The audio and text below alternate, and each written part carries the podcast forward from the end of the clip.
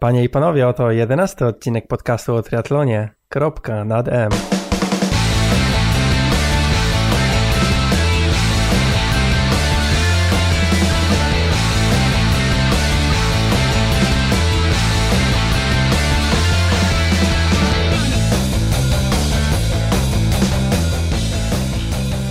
Dzisiaj porozmawiamy stricte o triatlonie, a dokładnie o triatlonie na dystansach ultra.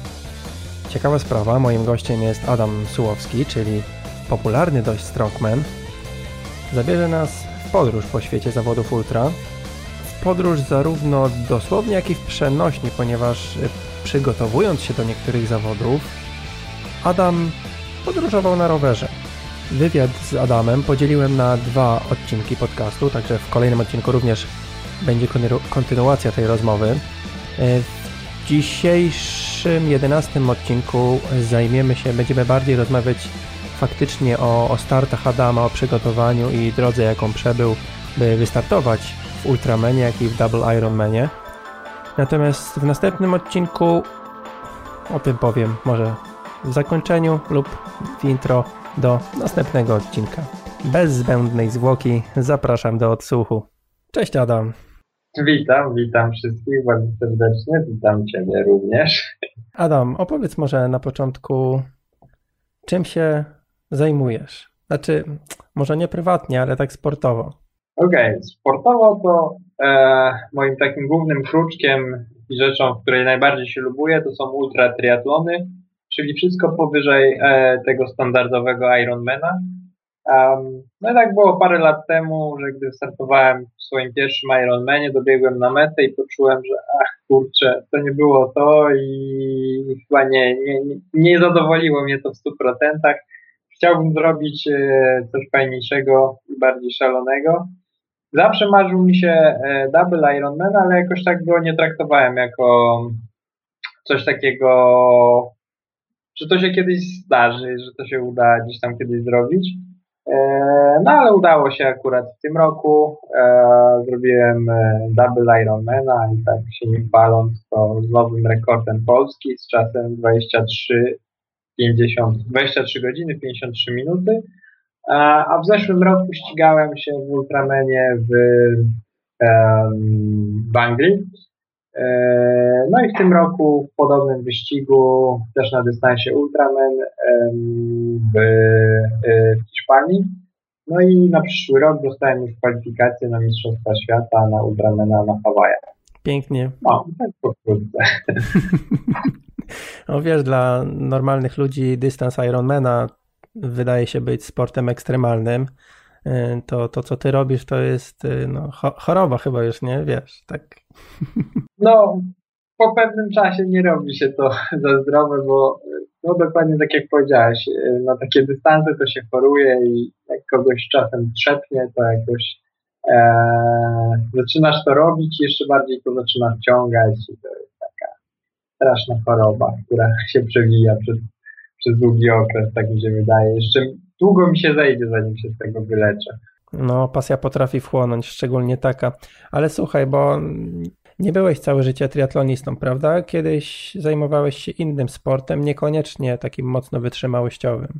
A właściwie to sportem wytrzymałościowym się nie zajmowałem nigdy. Akurat dopiero po studiach postanowiłem, że e, śmignę swój pierwszy maraton. No, wcześniej zrobiłem półmaraton, biegu na dychę nigdy nie, nie odpaliłem, od razu chciałem. Za krótko. Tak. Wydawało mi się w ogóle kiedyś, że bieganie dychy to jest y, bez sensu i że szkoda się w ogóle pocić. Eee, no i zrobiłem swój pół, pierwszy półmaraton, później y, maraton, później drugi maraton, no w kolejnym roku już e, pół Ironmana, w kolejnym e, e, Ironmana, w kolejnym Ultramana, w tym roku e, Double Ironmana. A wcześniej e, grałem w tenisa stołowego e, w dzieciństwie. No, a tak ogólnie to jeszcze później na studiach troszkę gdzieś tam pływałem, ale to nawet nie był jeden semestr, e, ale więcej grałem w squasha i to było tak już dosyć mocno, bo grałem e, w takich turniejach Polskiej Federacji Squasha i tam, no, czasem nawet mi to wychodziło, że ta piłka się od tej ściany odbijała i fajne, długie wymiany zaliczałem. Mm, czyli zamieniłeś później rakietę na, na rower, jeśli chodzi tak. o sprzęt do uprawiania. Znaczy, roweru na początku nie cierpiałem i, i, i nie lubiłem jeździć na rowerze, ale chciałem właśnie się zmierzyć z triatlonem. E, no i tak jeździłem trochę na siłę, jak mam być szczery na tym rowerze, ale e, to się wszystko zmieniło właśnie w zeszłym roku, jak zacząłem jeździć troszkę na dłuższych dystansach, to bardzo mi się to spodobało i no poczułem takie e, zew z tym rowerem i długie dystanse stały się taki, taką codziennością, czymś, co chciałem robić. A teraz nawet nie tak bardzo lubię biegać, jak e, lubiłem kiedyś, wolę właśnie jeździć nawet na rowerze. Mhm. A słuchaj, no bo zaczęło się od biegów, jeśli no, mówiłeś, że najpierw pół, półmaraton i maraton. Tak. Ale jak to było? Ile czasu jakoś tam zacząłeś biegać, tak? I ile czasu od tego wyjścia pierwszego na, na trening minęło do pobiegnięcia półmaratonu? Znaczy tak, zrobiłem na początku samego podstawowy błąd, jaki robią wszyscy.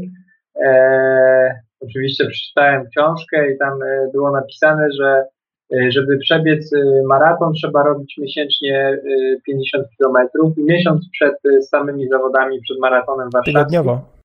Tak, tak, tygodniowo. Mhm. mówię, no dobra, to, to ja to z chęcią, z chęcią zaliczę ten maraton, bo w sumie fajnie było przebiec maraton. No i ten pierwszy trening, pamiętam w poniedziałek wyszedłem, 3 godziny i przebiegłem 30 kilometrów i to jeszcze e, takich butach e, nie do końca e, biegowych, bo to było w jakichś tam halówkach.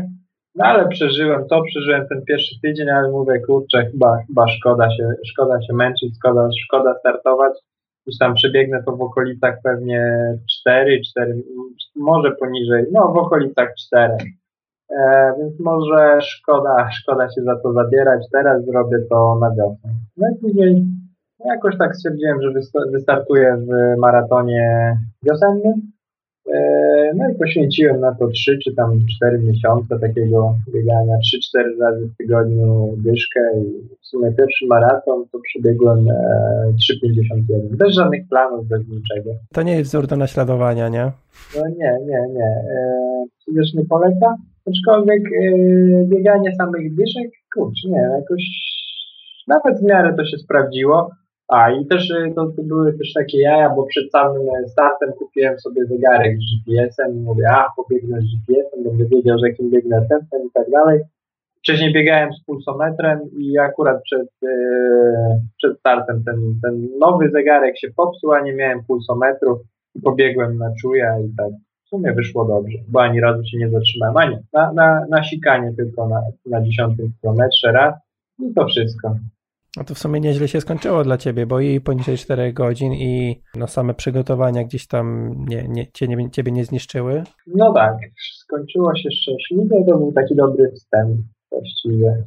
Oczywiście przebiegłem ten pierwszy maraton i później, no dobra, to, to tam tak troszkę odstawiłem, raz w tygodniu, dwa razy w tygodniu biegałem i tak e, no, miałem tak trochę bieganie już wtedy w poważaniu, aczkolwiek wiedziałem, że, że jeszcze będę chciał e, trochę postartować gdzieś. Kurczę, jak ja pamiętam, jak zaczynałem biegać, to 4 km i umierałem później 2 godziny w domu e, po takim no, treningu, tak, na początku. Także nie wiem skąd się u ciebie to wzięło, że, że na początku tak dobrze ci to szło. Wiesz, właśnie nie pamiętam, jak e, kiedyś jeszcze ważyłem 90 kg, e, to stwierdziłem, że schudnę i w ciągu tam 3 miesięcy wrzuciłem 20, nie ile, z 90 na 74, to 16 kg.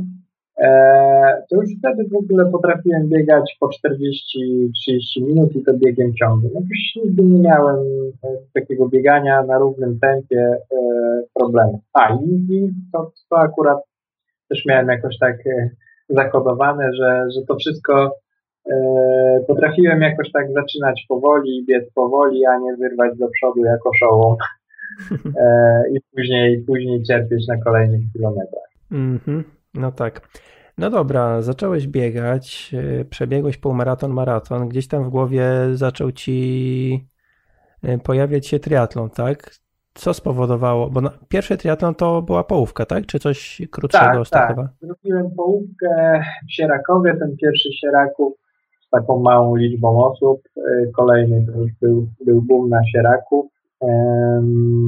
Wystartowałem w Sierakowie, chyba mam nawet koszulkę na sobie finishera, nie.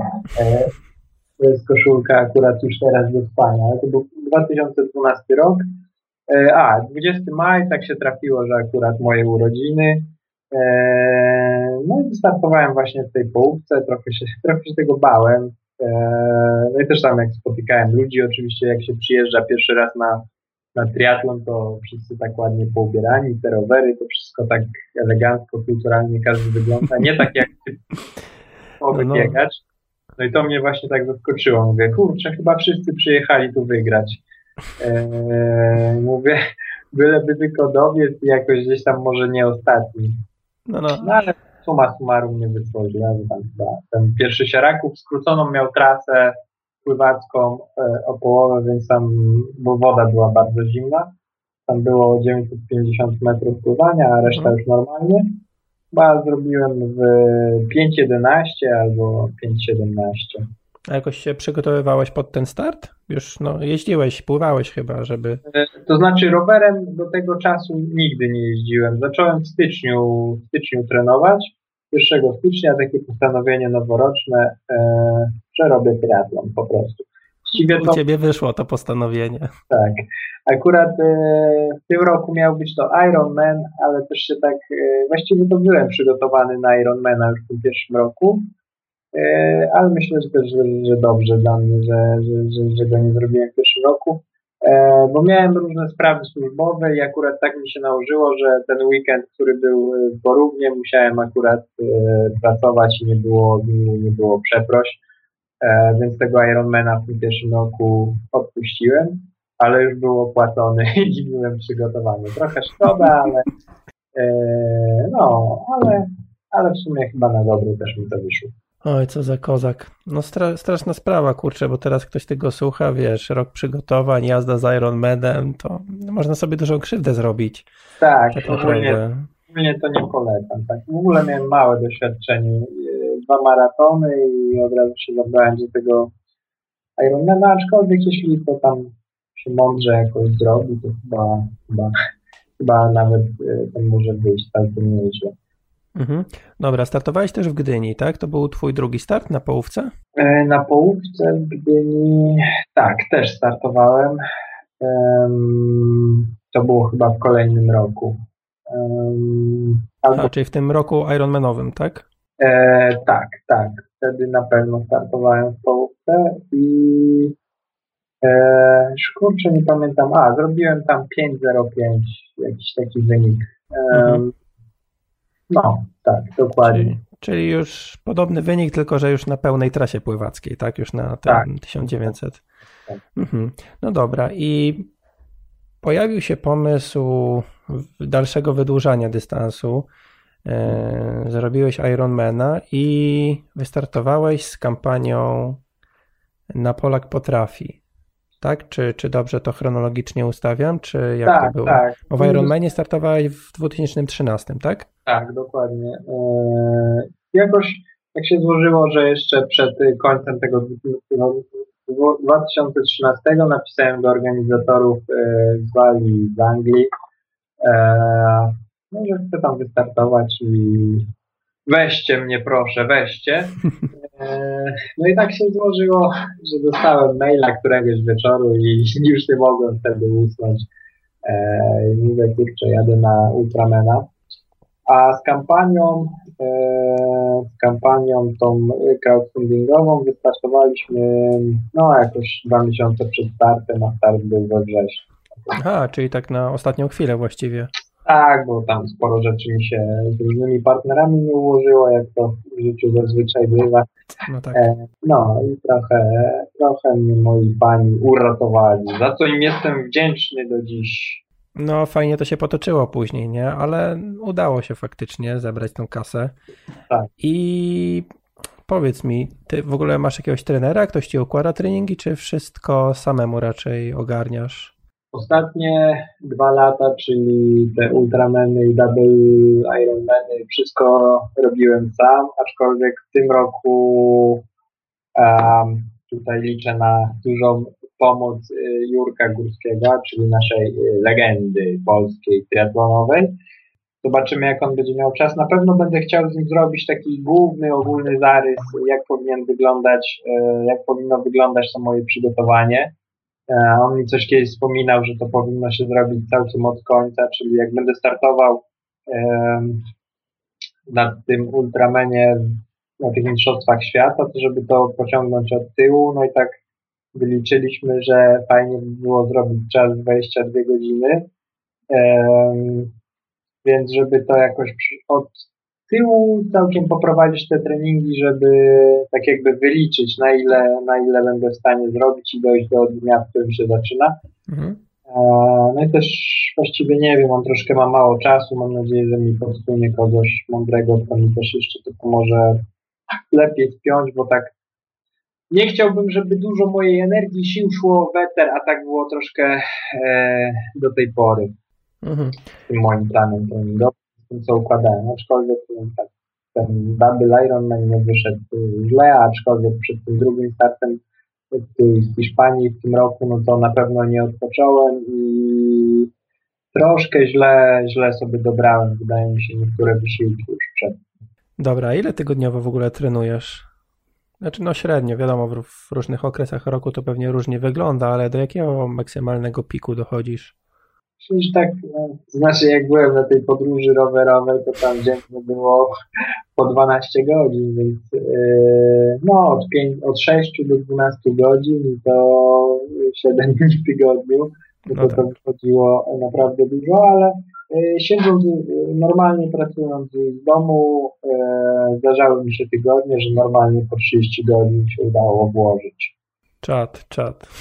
No, ale to też było tak, że, że niektóre treningi miały mało jakości i tak to też właśnie szło weter, to było trochę bez sensu.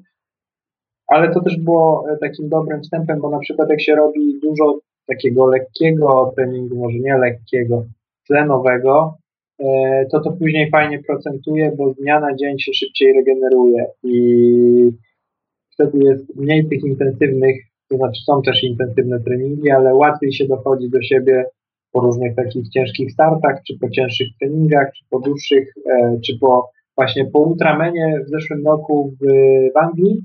E, ja czwartego dnia byłem gotowy na jeszcze dodatkowe ściganie, bo właśnie miałem dobrą bazę tlenową i dużo, mhm. dużo treningów zrobionych, więc e, wcale nie byłem taki umorowany jak, jak cała reszta tam ludzi, którzy tam byli na miejscu. Mhm. Ultraman, Ultraman w Walii to był właśnie po tej twojej wycieczce, że tak to nazwę, tak? Nie, nie. Ultraman w Walii był w zeszłym roku bez Aha. wycieczki, bez niczego. Trenowałem e, jakby to powiedzieć, wokół domu. W ogóle nigdy do, e, do tego roku e, nigdy nie trenowałem w górach, ani nie byłem na żadnych wyjazdach. No, teraz się okazuje, że wystarczy tylko pojechać w góry i trening sam się robi i forma też. No tak, ale kilkadziesiąt godzin w tygodniu wtedy kręciłeś, nie? I faktycznie, mimo że robiłeś właściwie sam tlen, tak, bo no to była jakaś wy, wycieczka rowerowa tak naprawdę przed Hiszpanią, tak? Mm. Przed, teraz przed Hiszpanią robiłem, byłem we Włoszech, e, jeździłem po trasie w ogóle Giro d'Italia e, i tam przejechałem kawał gór i to chyba zrobiłem nawet e, aż za dużo, bo też jeździłem przez różne przełęcze, no, kupę kilometrów zrobiłem i wydaje mi się, że nie do końca byłem przygotowany na to i się tak e, nie zregenerowałem w pełni też. No ale na rowerze ładnie pojechałeś w tej Hiszpanii, prawda? No, nie jestem z siebie zadowolony, tym bardziej, że źle dobrałem sprzęt. E, ogólnie to zawsze jeździłem na, na, na no, kupiłem sobie w pierwszym roku, jak zacząłem triatlon, e, przed samym startem, przed Sierakowem kupiłem sobie rower na Allegro E, tydzień przed, tak się ogólnie nie robi. E, I na tym samym rowerze wystartowałem, tam miałem trzy, się mówi, ciśnienie. Trzy bary? Trzy bary tak w kołach i myślałem, że to już jest ok, a to trzeba tam nabić do siedmiu, się później okazało. No, ale na tym samym rowerze e, wystartowałem e, też na Ultramenie w Walii ale do czego zmierzam, e, nigdy tak nie przykładałem już później uwagi do, do tego, na jakim sprzęcie jeżdżę, co to są, nie ogarniam w ogóle cały czas tematu tych kaset, w ogóle do końca sprzętu. Mhm. Pojechałem e, z czasówką teraz w te góry i tam y, zębatka jedyna, największa z tyłu to była 21, gdzie normalni ludzie jechali z 32 i się męczyli. No nie byłem w stanie po prostu wrócić jeżdżąc pod góry dobrej, mocnej, szybkiej kadencji i wjeżdżać pod te góry szybciej, no i zabiłem pod te góry. No i to wynikało z mojego niedouczenia i niedbalstwa o to, że się nie interesowałem od tego roku już się bardzo będę tym wszystkim interesował, o co w tym wszystko o o co w tym wszystkim chodzi. Mhm. No bo generalnie im dłuższy dystans, tym wiadomo, prędkość przelotowa jest mniejsza. Już pomijając, że tam były podjazdy, tak, były góry, ale Jakie masz prędkości przelotowe, jeśli chodzi. Nie, może inaczej. Może najpierw wytłumaczmy, bo pewnie nie wszyscy wiedzą, co to jest Ultraman, a co to jest Double Ironman, bo jednak te imprezy się mocno, mimo że, że składają się z tych samych konkurencji, to jednak mocno się różnią od siebie. E, no, Ironman, to wiadomo, zaokrąglając 4 km płyniemy, 180 na rowerze i biegniemy maraton, 42 kilosy. Double Ironman, no to mnożymy te, te, te cyfry razy dwa i ciąg, ciągiem to wszystko robimy. Natomiast Ultraman jest wyścigiem etapowym, trzydniowym. Tak, to jest taka etapówka. Pierwszego dnia e, płynie się dyszkę, jedzie się rowerem 145 km. E, drugiego dnia jedzie się 276 km. I ta, e, rower, no i trzeciego dnia biegnie się 84 km. Także w Ultramenie zawsze jest tak, że to są trudne trasy i to jest wszystko po górach. Tutaj e, w Szpanii było 6000 metrów po całą górę, nie? Wow. Spinaczki, więc e, całkiem sporo. E, double Ironman są różne rodzaje, ale akurat te mm, pucharowe to są zazwyczaj na płatki. no i tutaj w tym roku startowałem właśnie na Pucharze Świata w ultratriatlonie w Słowenii. W tym double? Tak, tak, tak, tak. Mhm. tak. No dobra. Y, znaczy mi się w ogóle jak gdzieś tam o tobie usłyszałem, brałeś udział akurat w, y, w tym roku w zawodach i gdzieś tam na Facebooku ktoś pisał, że kozak biegnie, zacząłem śledzić i tak naprawdę dopiero poznałem co to Ultraman i i no to, to nie dla mnie, powiedzmy, ale widzę, widzę powód, dla którego to jest tak zaraźliwe, bo z jednej strony ktoś może powiedzieć, że to jest etapówka, tak, że e, że to nie jest taki mega, no, mega wysiłek, to może, to może złe określenie, ale, ale z drugiej strony przez to, że to jest etapówka, to mm, no kapitalne tempo tam jest, tak, bo to, to nie jest, nie wiem, 24, 36 godzin wysiłku ciągiem, tylko to, to jest tak, że każdy ma tą nockę, żeby sobie odpocząć i później znowu mm, pełna moc przez te kilka, powiedzmy, nie wiem, 8-9 godzin, tak? Yy, znowu wpalnik daje, więc yy, dzięki temu to, to, to jest takie bardziej dynamiczne. Yy, powiedz mi, jakie prędkości średnie masz w drugi dzień, czyli jak jedziesz tylko na rowerze, ten odcinek tam nie wiem, 260 kilometrów mniej więcej? 276. Mhm. Ogólnie e, na Mistrzostwach Świata na Hawajach e, rekord trasy rowerowej w dniu drugim, czyli te 276 kilometrów i to są Hawaje, ciepło, to są góry, to jest e, średnia 37 godzin, lekko ponad, e, 37 km na godzinę, mhm. więc e, 276 km jadą w czasie około 7 e, godzin 20 minut, więc to jest yeah. naprawdę bardzo szybko. E, a e, na przykład na, na biegu rekord trasy biegowej to jest 5,32, czyli 2,46 na maraton. Więc no to, to już też tak żwawo. O kurde. Żwawe bieganie. Jeśli chodzi o moje przelotówki, no to tu jest e, ciężko powiedzieć, bo akurat Anglia, ten trasa w Anglii i była podobno dużo trudniejsza niż ta hawajska. No i tam miałem średnią w zeszłym roku, oczywiście też miałem źle dobrany rower.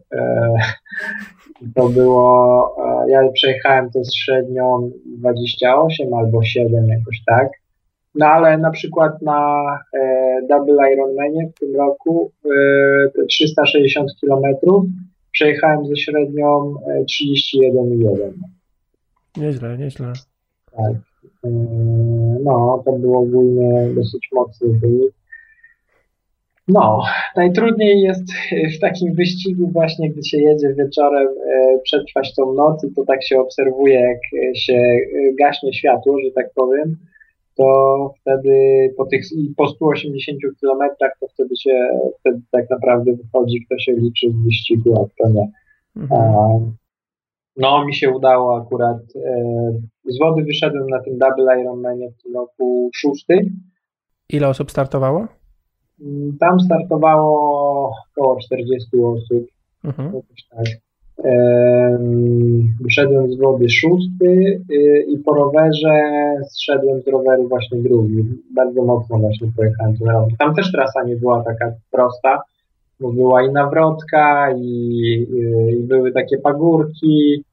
No i tam w sumie suma summarum, y, no bardzo jestem zadowolony z tej, z tej jazdy. Tak mi się marzyło, że jak tak sobie myślałem, ale byłoby świetnie i w ogóle jakby mi się udało przejechać te 360 km ze średnią 30, to mi się taki wynik marzył, a wyszło 31,1, z czego no, jestem bardzo z siebie zadowolony. Mhm. A czym się różni tak pod względem, może nie wysiłku, ale stanu psychicznego start w Ultramanie od startu w Double Ironmanie? Wspominałeś o tej nocy, że tutaj się światło, światło wyłącza. I chciałbym też zapytać psychicznie, bo Ultraman jest chyba na zróżnicowanej bardziej trasie organizowany, a Double Ironman na, jakimś na jakiejś krótkiej pętli, tak? Czy, czy, czy to zależy tak, od zawodów? Tak. To, się, to się, na przykład pływanie było 20 okrążeń po 380 metrów, czy jakoś tak, no ale 20 okrążeń trzeba było przepłynąć i tam sędziowie y, odhaczali każdego zawodnika rower to było 76 albo 74 pętle takie po, e, po 5 kilometrów, więc też się jeździło cały czas w kółko. No i bieganie też jakoś tak 54 okrążenia po półtorej kilometra, e, jakoś tak.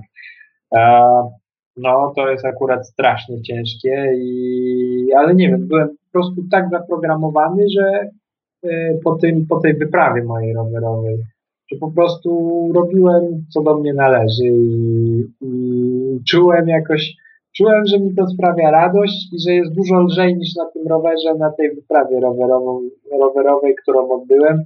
Tak mnie naprawdę zahartowała i dała takiego kopa, że e, że wcale tak, takie miałem już podejście, że to wcale nie będzie takie trudne i tego, e, ten rower przejechałem też tak że tak powiem, jeden bieg niżej cały czas y, z taką lżejszą nogą.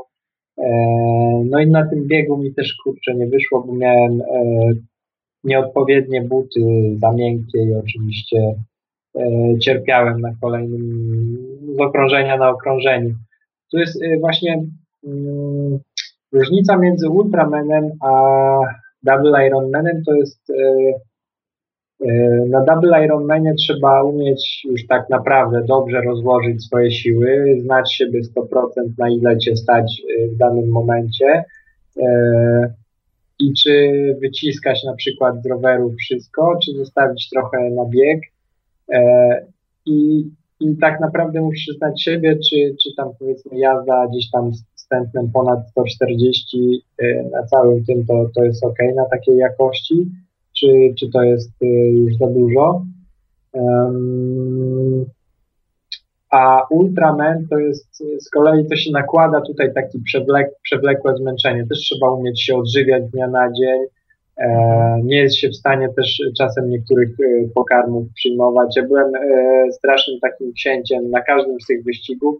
Miałem różne zachcianki i różne rzeczy mi wchodziły tu chciałem czekoladkę, tam chciałem bananka, tu mi się zachciało jakichś paluszków.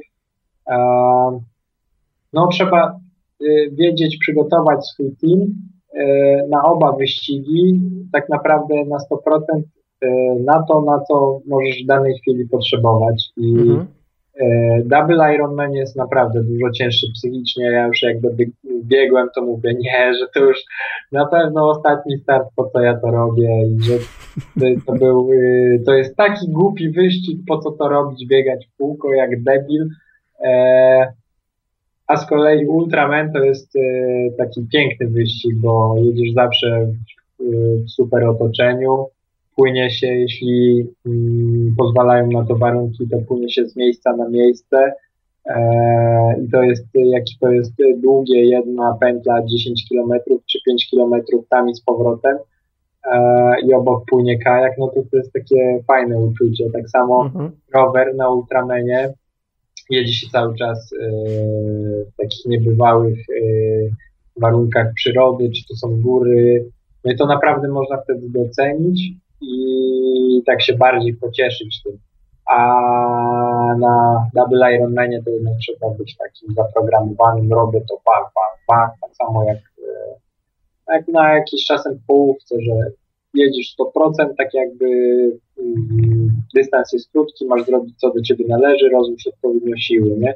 Nie ma mhm. czasu, żeby się, żeby, żeby się tym pocieszyć, nie? Tylko twardo, e, twarda głowa, zaciśnięte Jasne. Słuchaj, no jak oglądałem filmiki, głównie w sumie twoje z tych imprez, to strasznie mnie uderzył klimat tych imprez. E, na przykład, no to pewnie się bierze z jednej strony z tego, że mniej zawodników startuje, ale z drugiej jest taka fajna otoczka typu przedstawianie zawodników, to chyba było. Każdy wychodzi na scenę, wita się ze wszystkimi. Tak. Każdy e, przyjeżdża z jakąś ideą, nie chodzi... ma ludzi przypadkowych, nie? Tak, a propos y, Double Ironmana, no to to był Puchar Świata, więc to wszystko musiało być takie bardzo oficjalne. E, no, taka parada narodów, e, prze, przechodzą wszyscy właśnie gdzieś tam przez miasto, gra orkiestra, idzie się na stadion, tam pełna trybuna ludzi. E, no zawsze jest jakieś takie wspólne jedzenie, tylko to nie jest takie pasta party, że e, pani e, tam Marysia bierze łyżkę i bach, e, makaron masz jedz, to to jest jakoś tak, jakoś tak zawsze uroczyście. No i każdy jest taki miły dla siebie, każdy chce się poznać. Jest taki otwarty przede wszystkim do siebie. Na Ultramenie jest jeszcze, to jest całkiem inaczej, bo to jest w ogóle wszyscy, to jest taka, nie wiem, hawajska jakaś e, zasada i terminologia i, i styl życia, e, że wszyscy są tak jakby rodziną i to już od początku ma takie znaczenie, że zawodnicy też na trasie e, sobie pomagają. Jest, to jest cały czas rywalizacja, ale w Ultramenie chodzi o to, żebyś ty osiągnął szczyt swoich możliwości i twój team ma ci w tym pomagać i każdy, kto jest obok, tak samo. Tutaj na tym e, Pucharze Świata, no to e, w tym Double Ironmanie była taka, e, każdy był przyjacielem i tak dalej, ale tam już była taka mocniejsza rywalizacja. Tutaj zwłaszcza ci Niemcy, Austriacy, no to tu przyjechały potężne teamy właśnie z takimi kamperami, tak jak się też przyjeżdża na biegi 24-godzinne, no to już miało klimat taki naprawdę, no takie imprezy, że każdy tu przyjeżdża wygrać e, i ścigać się, ścigać się tak jakby twardo. Nie pomagam nikomu, ale szanuję swoich e, tam współzawodników. Mhm, mhm. A słuchaj, dobra, chciałbym po kolei te trzy dyscypliny trochę przejechać w takim wydaniu e, no, długim, bardzo długim. Najpierw pływanie. Mm, powiedz mi, startowałeś w Mistrzostwach Polski w pływaniu na 10 km? Tak, tak. I nie zmieściłem się e, w czasie i zdjęli mnie z trasy. E, po, e, to znaczy zapisałem się, wiedziałem, że, że sztuką będzie po prostu to ukończyć. Mhm. A jaki limit był? W czasie. To jest tak, że od momentu, kiedy pierwszy pływak dopłynie do mety, to się ma 40 e, minut e, na ukończenie tych zawodów. Mhm. E, ostatni zawodnik musi skończyć po 40 minutach albo się rozwija właśnie z trasy. No i ja po tych, pierwszy zawodnik skończył w czasie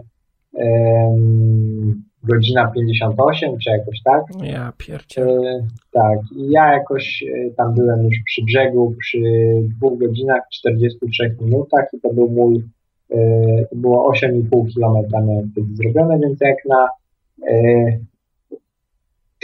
triatlonczyka to, to, to czas całkiem niezły, tym bardziej, że się płynie na, na open water zawsze bez, bez pianek, to, co, mhm. co tak pomaga. No i właśnie tych zawodów to były jedne z zawodów, których nie ukończyłem, ale świadomie. Mhm. Na dychę mówisz, płynął niecałe dwie godziny, a ty miałeś w 2,43, miałeś 8,5 km, tak? Tak, tak, tak, tak, tak. Okej. Okay. Jeśli chodzi o moje wyniki z Ultramana, no to w zeszłym roku popłynąłem to wszystko, dyszkę w czasie 3.03, a w tym roku 3.08, z tym, że w zeszłym roku to dostałem w wodzie hipotermii, miałem też za dużą piankę. E, kolejna rzecz, jeśli chodzi o sprzęt, który się nauczyłem, to na takim długim dystansie niestety. Lajtowo podchodzisz do tego. Nie było mi do śmiechu na, na, na, e, na zawodach, ale już teraz to potrafię się z tego śmiać, ale to najcięższe momenty mojego życia, jakie, jakie przeżywałem. Mhm. A jeśli chodzi o ten rok, to 3,08, ale z tego, co tam wszyscy mówili, to było 11 km. 11 co? 11 km, a nie 10. O, to taki ekstra od tego, od organizatora. Tak, tak. Plus VAT zawsze może być na dystansach. Mhm. Okej, okay, na jednym zdjęciu widziałem, coś ci wystaje spod czepka przy uszach, ale to podejrzewam drugi, drugi czepek był, tak? Tak. Żeby ciepło bo, utrzymać.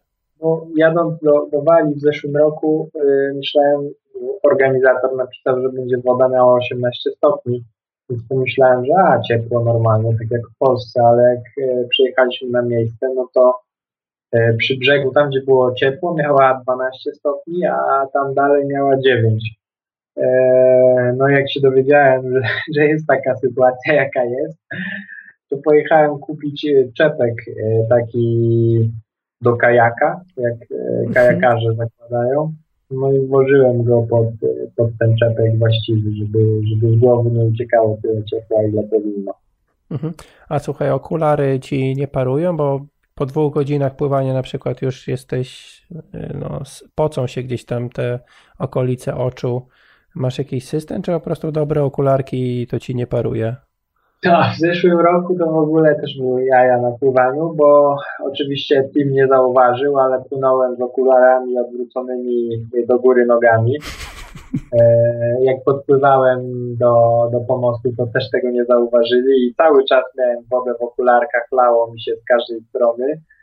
E, a w tym roku E, użyłem Jurek Górski, bo był ze mną w Hiszpanii, dał mi taki spray do tych, do okularów.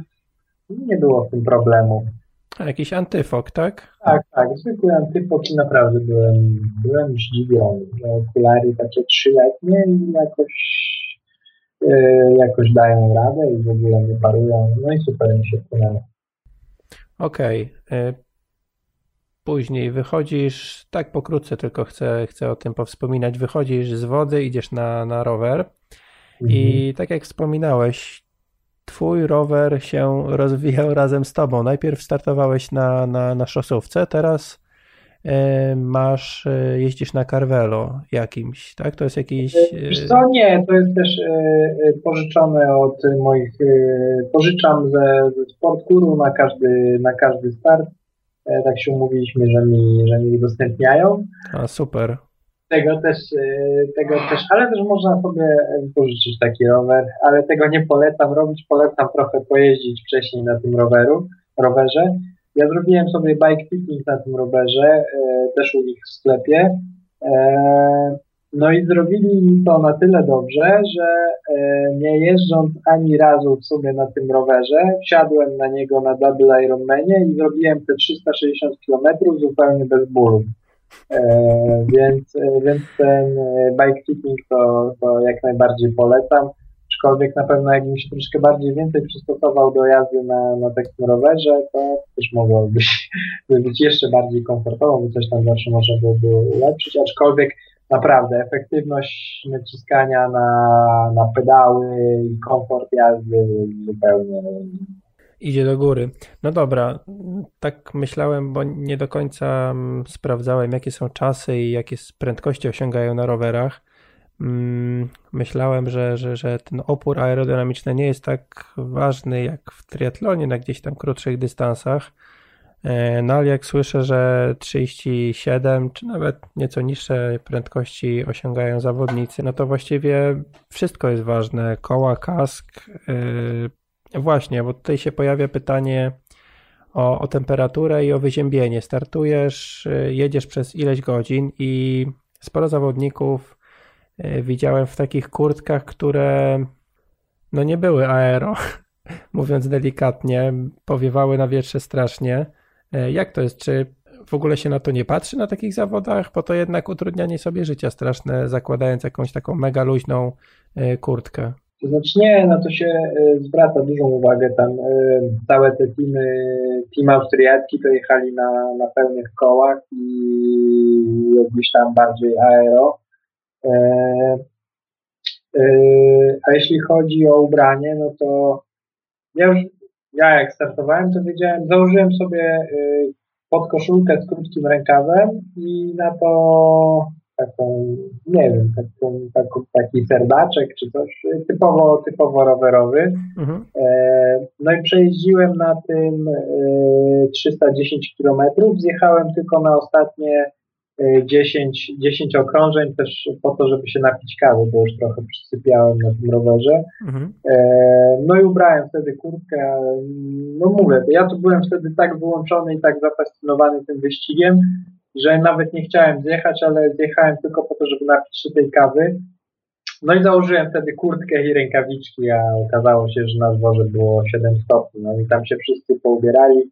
Ja zarzuciłem tylko, tylko na szybko kurtkę no i, przejechałem, ale y, tak ogólnie to tam y, większość ludzi była ubrana y, aero, aero. Mhm, czyli jednak. O, do w ogóle te opowieści wszelakie z zawodów to zalinkujemy do, do Twojego bloga, bo, bo jest co poczytać.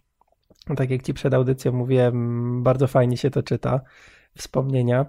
E, a powiedz, takie głupie różne pytania przychodziły mi do głowy, jak myślałem o tego typu zawodach. E, czy na trasie są na przykład, jest trasa, gdzie jest e, sygnalizator świetlny i na czerwonym się musicie zatrzymać? Tak, na Ultramenie tak jest, bo jedzie się przy otwartym ruchu i e, no, trzeba trochę pocharpić i tam czasem połamać zasady, jak nie chce się czekać. I też, też miałem to z teamem prze, prze, przećwiczone z zeszłych lat, że wyjeżdżali po prostu na drogę, tamowali ruch, zatrzymywali wszystkich i tak, żeby nie przejechał bez hamowania. W zeszłym roku trochę akurat się, że tak powiem, frajerzyliśmy, bo, bo nie mieliśmy tego jeszcze przyciszonego. Ci, co jechali tam pierwsi, wiedzieli, jak to się robi i że tak trzeba robić, to tak robili. No my w tym roku już się też tego nauczyliśmy i tam e, no, to, to wyszło w miarę okej. Okay. Oj, nieźle. E, ale ogólnie to powinno się stawać. Y, no, w zeszłym roku pamiętam w Walii było, był taki moment, że reperowali jedną część ulicy. No jakoś tak mi się trafiło, że akurat nie złapało czerwone światło i tam cała kupa zawodników dojechała, bo nie było nawet jak, jak tam przejechać bokiem czy jakoś tak. Mhm. E, no i tak trochę się, trochę straciłem akurat. Mhm. A słuchaj, jak ciebie zawodnicy dojechali, w ogóle jest, do, jest dozwolony drafting na takim dystansie? Nie, nie, nie, tu nie ma draftingu. Zawsze zresztą e, ultrameny to są e, po górach, więc to się tam wszystko samo rozwiązuje i e, zawsze ktoś jest mocniejszy, ktoś jest słabszy i tam się to wszystko rozciąga, e, a ogólnie jest niedozwolony. Eee, tam mm, są momenty, jest na początku zawsze moment, że wszyscy tam jakoś tam kawałek mogą jechać, a później jak już zaczynają góry, to już, to już wszystko się kończy. Tutaj na Double Ironmanie to super, bo w ogóle jeden, jeden gość był w stanie upilnować wszystko, no ale to wiadomo, też e, krótka trasa, 5-kilometrowa, to, to, to, to nie dziwi. Właściwie to 2,5 kilometra, bo to była taka jakby po części agrawka. Jeden no. wszystko ładnie opilnował. Mhm. No, na takim ultramenie sędziego nie ma na trasie, ale jest chyba tak mało zawodników, a no i taki dystans, że jakby faktycznie ciężko, e, żeby jechać razem. A z zatrzymywaniem ruchu to chyba jakiś budżet musi być na, na mandaty chyba jeszcze dla teamu. Nie, tam, e, no szkoda, nie lubię płacić mandatów, zawsze się wkurzam jak dostaję mandaty, no ale to tak tam miarę z rozwagą było robione, mhm. A to niby. Ciekawostka naprawdę, faktycznie sport drużynowy, nie? To nie jest tak, tak. że no, słyszy się na jakichś chociażby ultramaratonach, że rola supportu jest bardzo ważna i ten support jak pierwszy raz y, towarzyszy zawodnikowi, to support wraca zmordowany bardziej niż zawodnik. Się śmieją, to, to tutaj faktycznie to nie, nie ma lekko, nie? Dla całego teamu tak naprawdę. No tak, dokładnie tak jest. E, zawsze e, się tak śmieję, bo e, moja dziewczyna Natalia ma zawsze najbardziej przerąbane, bo musi i wstać, robić jedzenie w sumie dla wszystkich i dla mnie na trasę, później jechać, czytać e, trasę, żeby nie pomylić trasy, a to jest nie ma nic gorszego w świecie, jak pomylić trasę na ultramenie czy jakimś biegu, biegu ultra i wracać. To jest, to jest po prostu męczące psychicznie. No, psychicznie. E, że po prostu wracasz, tracisz i zrobiło się nawet, nawet dwa kilometry na rowerze, to jest było takie męczące i tym bardziej jeszcze jak to jest po górach, a już nie wspomnę o biegu, jak się pomyli trasę, to, mhm. to, to jest straszne.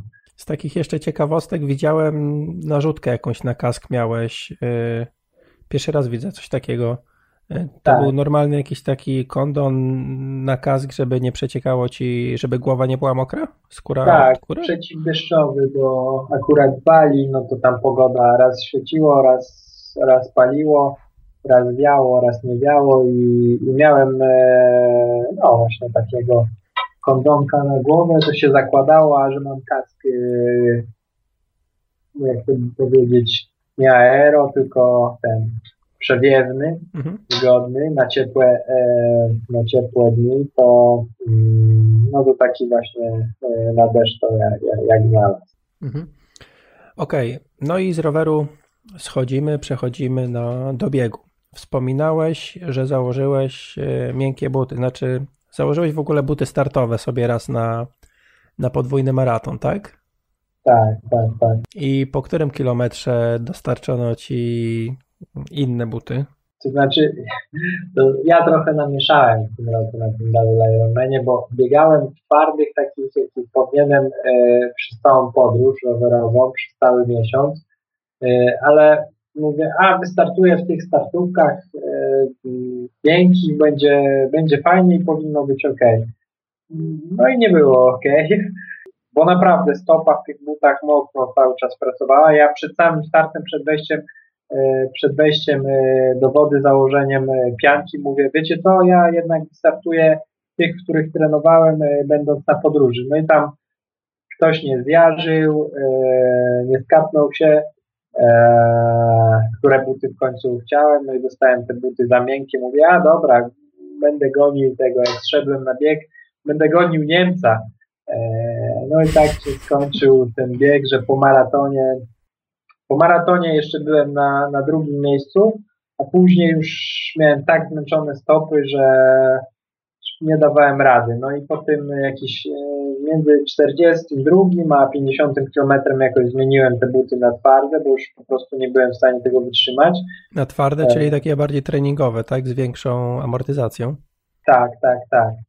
No i zacząłem, zacząłem tam człapać, tak przeczłapałem, nie wiem, ze 20, 20 kilka kilometrów.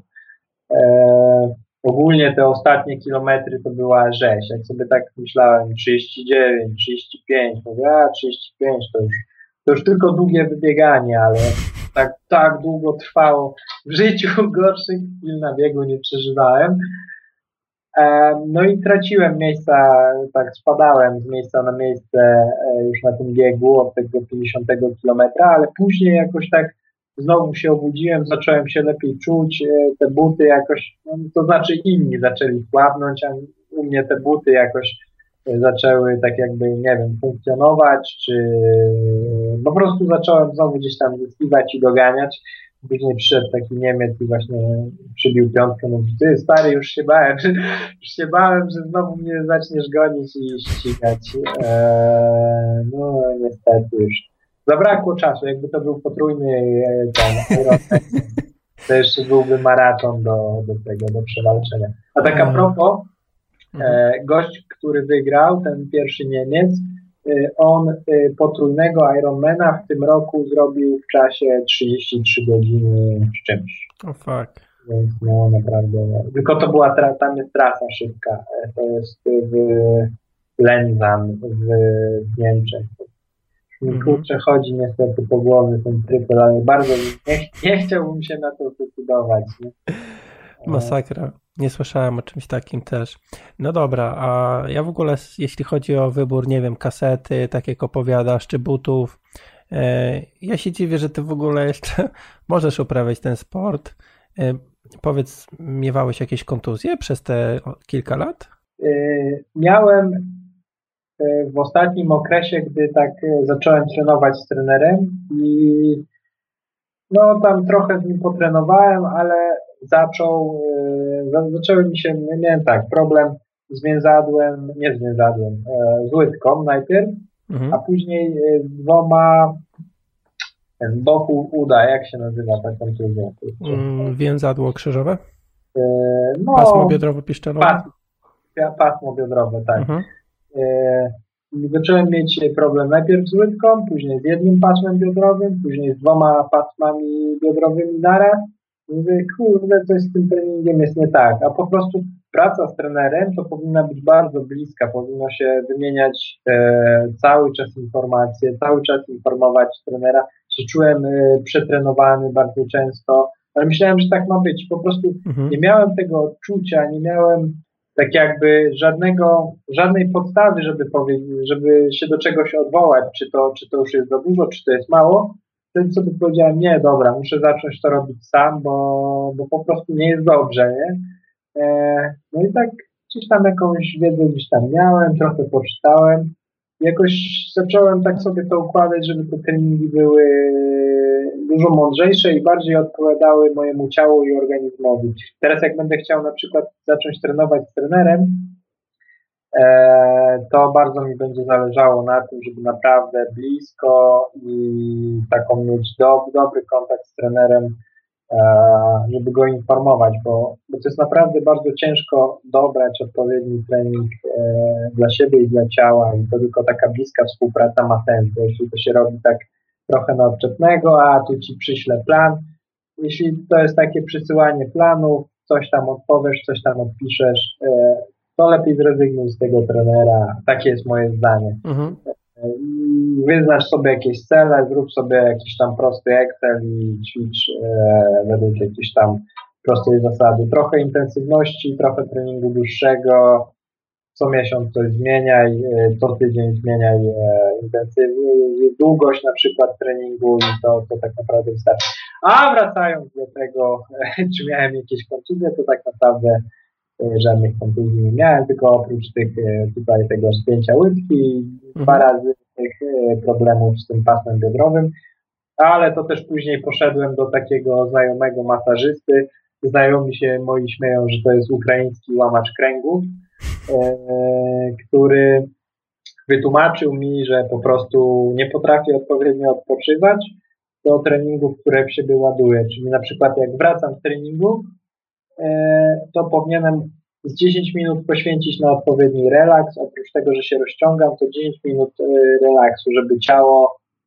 Nie, nie, po prostu problem był w tym, że często się wraca z treningu, bach, bach, bach, szybko to, to, to, to, mięśnie są cały czas w napięciu, oczywiście tam jakieś małe rozciąganie się robi, ale się siada, nie? I to jest od razu ta nieodpowiednia pozycja dla organizmu, złe ułożenie ciała i ciało to zapamiętuje po takim treningu i to jest lipa.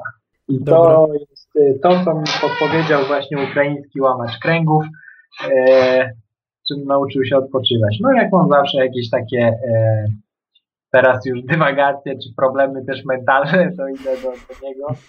E, ale te, te masaże, które on robi, to są naprawdę takie ciężkie. On mnie e, tak zawsze pouciska, e, ale też e, potrafi rozluźnić e, wszystkie różne mięśnie i mi potrafi powiedzieć, e, siedzisz krzywo, krzywo siedzisz, źle, źle chodzisz, śpisz na tym boku, ja tak, tak tylko po prostu na mnie przyjdzie spojrzy, ja się rozbiorę do gaci i mówi to, to, to, to, to, to, to do poprawy, nie? Mhm.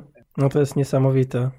Tak, też mi podpowiedział e, po każdym treningu rowerowym, no takim powiedzmy, no ja robię tylko długie, więc że powinienem biegać, czyli robić tam nawet jakąś krótką zakładkę, czy pochodzić, żeby też te mięśnie odpowiednio rozbić, zwłaszcza w stopie. No całe mnóstwo różnych ćwiczeń mi też zalecił, e, żeby rozciągać e, mięśnie, chodzić platfusem po bieganiu, to też E, rozciąga różne mięśnie i też pomaga, e, bo jak się biegnie, to według niego organizm się też programuje i te niektóre mięśnie tak e, zastygają. W ten sposób można mhm. je porozluźniać od razu i wszystko lepiej funkcjonuje. No i to jest Siergiej, mój cudotwórca, bardzo go lubię i polecam. No wiesz co, czyli jak ja się po treningu kładę na podłodze i nogi gdzieś tam na kanapie wyżej, to robię dobrze, tak? Y, najlepiej jakbyś kładł między dupą a udami jakiś taki wałek, wtedy plecy też odpoczywają najbardziej, mięśnie dwugłowe i ciało się w ten sposób najlepiej relaksuje. Mm-hmm, mm-hmm, a jeśli chcesz się położyć na plecach, to to jakiś taki właśnie wałek, czy, czy coś większego pod, e, pod stopy, tak jakby na, kost, na, na kostkach, jakbyś się położył to wtedy też się ciało najlepiej relaksuje. Mhm. To też polecam z wieczora czasem zrobić, naprawdę pomaga. I można też wtedy poczuć, jak się ciało rozluźnisz, tak, e, tak się leży dosłownie na tym, e, czy to na ziemi, czy to na łóżku, całe ciało tak leży i odpoczywa i to jest, to jest właśnie tak. Hmm. Ja w ogóle e, też sporo, sporo chodziłem na, na takie kursy medytacji, odpoczywania, no i z tego dużo, dużo się właśnie czerpałem, uczyłem tam też różnych takich plików tego, tego najwięcej czerpię. Mm-hmm. No twardziel jesteś, jeśli chodzi o te, o wytrzymałość jakby twojego organizmu. Ale jeszcze to tak chciałbym nadmienić, e, e, można być twardzielem, ale strasznie ciężko jest nauczyć się na przykład położyć się i po prostu poleżeć, nic nie robić. I no, no, no. To też jest sztuka sama w sobie. Nie? Mhm. A z tym siadaniem jeszcze to taki dobry tip jest, bo dla tych, ja tam trochę czasami jeżdżę do pracy na rowerze i widzisz, to jest właśnie taki świetny przykład, że jedziesz na rowerze, wchodzisz do pracy i siadasz. I no. siedzisz powiedzmy godzinę, dwie, nim gdzieś tam pójdziesz coś załatwić, czy, czy coś sobie zrobić do picia jedzenia, nie? No to właśnie faktycznie to, to może ubić człowieka, mimo że do pracy jeździmy. No jeździmy spokojnie, tak, żeby się tam nie, nie spocić i, i zazwyczaj to jest dojazd dosyć krótki relatywnie, ale powtarzany codziennie, to, to, to podejrzewam, że też może mieć spory wpływ na, na to, jakie później mamy skurczone te mięśnie niektóre. Każda drobna rzecz ma znaczenie, tego też się nauczyłem. Im mniej, im mniej błędów, tym lepiej dla nas i dla naszego ciała. Dobra. Jeszcze ten temat kontuzji chciałbym zamknąć pierwszym chyba Ultramanie zająłeś 12 miejsce. Tak. Wystartowało 25 zawodników, ale zgłoszonych było tam prawie 40, chyba 35, tak? Tak, tak. To wynika właśnie z tego, że dużo teamów gdzieś tam się nie przygotuje, czy są jakieś takie drobne błędy, a tu już dużo ludzi nie chce po prostu ryzykować startu. A. Po co się też yy, no, przyjechać i zakatować, nie? E, oczywiście można tam przyjechać z jakimś e, z jakąś kontuzją, ale to nic dobrego nie wróży, jak się startuje właśnie z jakimiś tam problemami. Najpierw powinno się być zdrowym, nieprzetrenowanym, a później mhm. startować. Nie? Myślę, że to się bierze właśnie stąd, że same przygotowania są tak wyczerpujące, że mm, jedna trzecia ludzi odpada na, na etapie przygotowań, no bo tak, po prostu tak. organizm nie wytrzymuje i gdzieś tam coś się zerwie, czy coś boli i faktycznie później nie ma co startować. No dokładnie właśnie tak jest, że mhm. e, no, czasem trzeba być mądrzejszym. Tutaj akurat ci ludzie startujący na długim dystansie może e, niekoniecznie są mądrzy, ale pod tym względem, że gdzieś tam z większym doświadczeniem, e, no to to gdzieś też waży. Tak a propos mądrości, to jak rozmawiałem w tym roku z, z organizatorem tego Double Ironmana, E, to się go pytam, czy on kiedyś startował w takim jakimś ultra, czy w czymś. On mówi, że on taki głupi nie jest, że, że tak. A powiedział później oczywiście, że żartuje, ale gdzieś, gdzie, gdzieś tam miał rację, nie? Mhm. No dobra, masz ze sobą dwa ultrameny, tak? Tak, dokładnie. Dwa Ultra i kolejny to już są Hawaje, tak? Czy nie? Tak, tak. Jedyny główny cel, to znaczy nie wiem czy jedyny jeszcze, ale główny cel na przyszły rok. Zobaczymy. Mhm. Jak to jest, żeby dostać się w ogóle? Też jest walka o slot? Trzeba jakiś czas czy jakieś miejsce na zawodach wcześniejszych zająć? E, no, trzeba mieć już jakąś tam, że tak powiem, e, przebieg. No i najlepiej, jak się ma dużo triatlonów na dystansie ultra. E, no tam startują na przykład ludzie, którzy mają 25 ultramenów, samych ultramenów, a już o Ironmanach to nie wspomnę, jeśli rozmawiamy o Hawajach. No u mnie tą ważną rzeczą było to, że, że y, naprawdę miałem dobry wynik i, i, i on był całkiem niezły w, tym Double Ironmanie w tym roku. I to, co w zeszłym roku już y, rozmawiałem z tymi organizatorami, oni też mówili, że no, hipotermia znowu w wodzie, źle dobrany rower, tym roku tylko źle dobrany rower. Na, Jest progres. E, tak, więc, e, więc to gdzieś tam zaważyło, a ogólnie to się startuje tylko na zaproszenie. E, no i tu akurat na każdych zawodach e, jest taki speaker, który jeździ na wszystkie tego typu zawody i on tam wyhacza ludzi i on mnie zapytał tak nieoficjalnie, czy, czy chce. Wow no, chcę, no to e, see you next year e, na Hawajach. No to super. Nie miałem co powiedzieć już. No i plan jest taki, że teraz e, wyjeżdżam do Tajlandii 13 stycznia i powiedzmy prawie w 100% poświęcę się e, temu, temu jednemu celowi, czyli tym, tym, tym Hawajom i Wyjeżdżam 13 stycznia, wracam e, jakoś na początku maja. Hmm, to tyle na dzisiaj. Jak widzicie, Adam ma trochę szczęścia, że, że się nie poskładał do tej pory, ale też ma mega zawzięcie i, i jak się za coś bierze, to bierze się na serio. Nie o wszystkim mówi, wiele rzeczy dzieje się w ciszy. E, no i taki jest, skromny gość który, który dopiero na, na, na zawodach pokazuje, jaki jest twardy.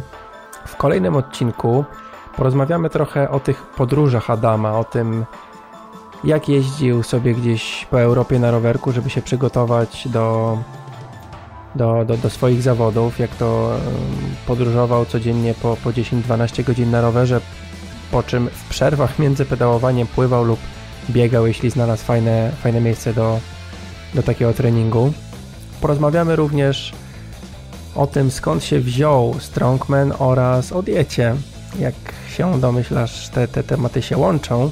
Także porozmawiamy o książce, o weganizmie, o sposobie odżywiania zarówno e, żeby startować w ultra, jak i podczas podróży rowerowych. Jak to wszystko pogodzić, żeby pakując się w sakwy móc sobie zapewnić fajne i smaczne jedzenie, będąc weganinem. A na dzień dzisiejszy dziękuję. Kolejny odcinek pojawi się już niedługo, a notatki do tego odcinka jak zwykle pojawią się na stronie www.ironfactory.pl ukośnik KNM 011. Do usłyszenia, cześć!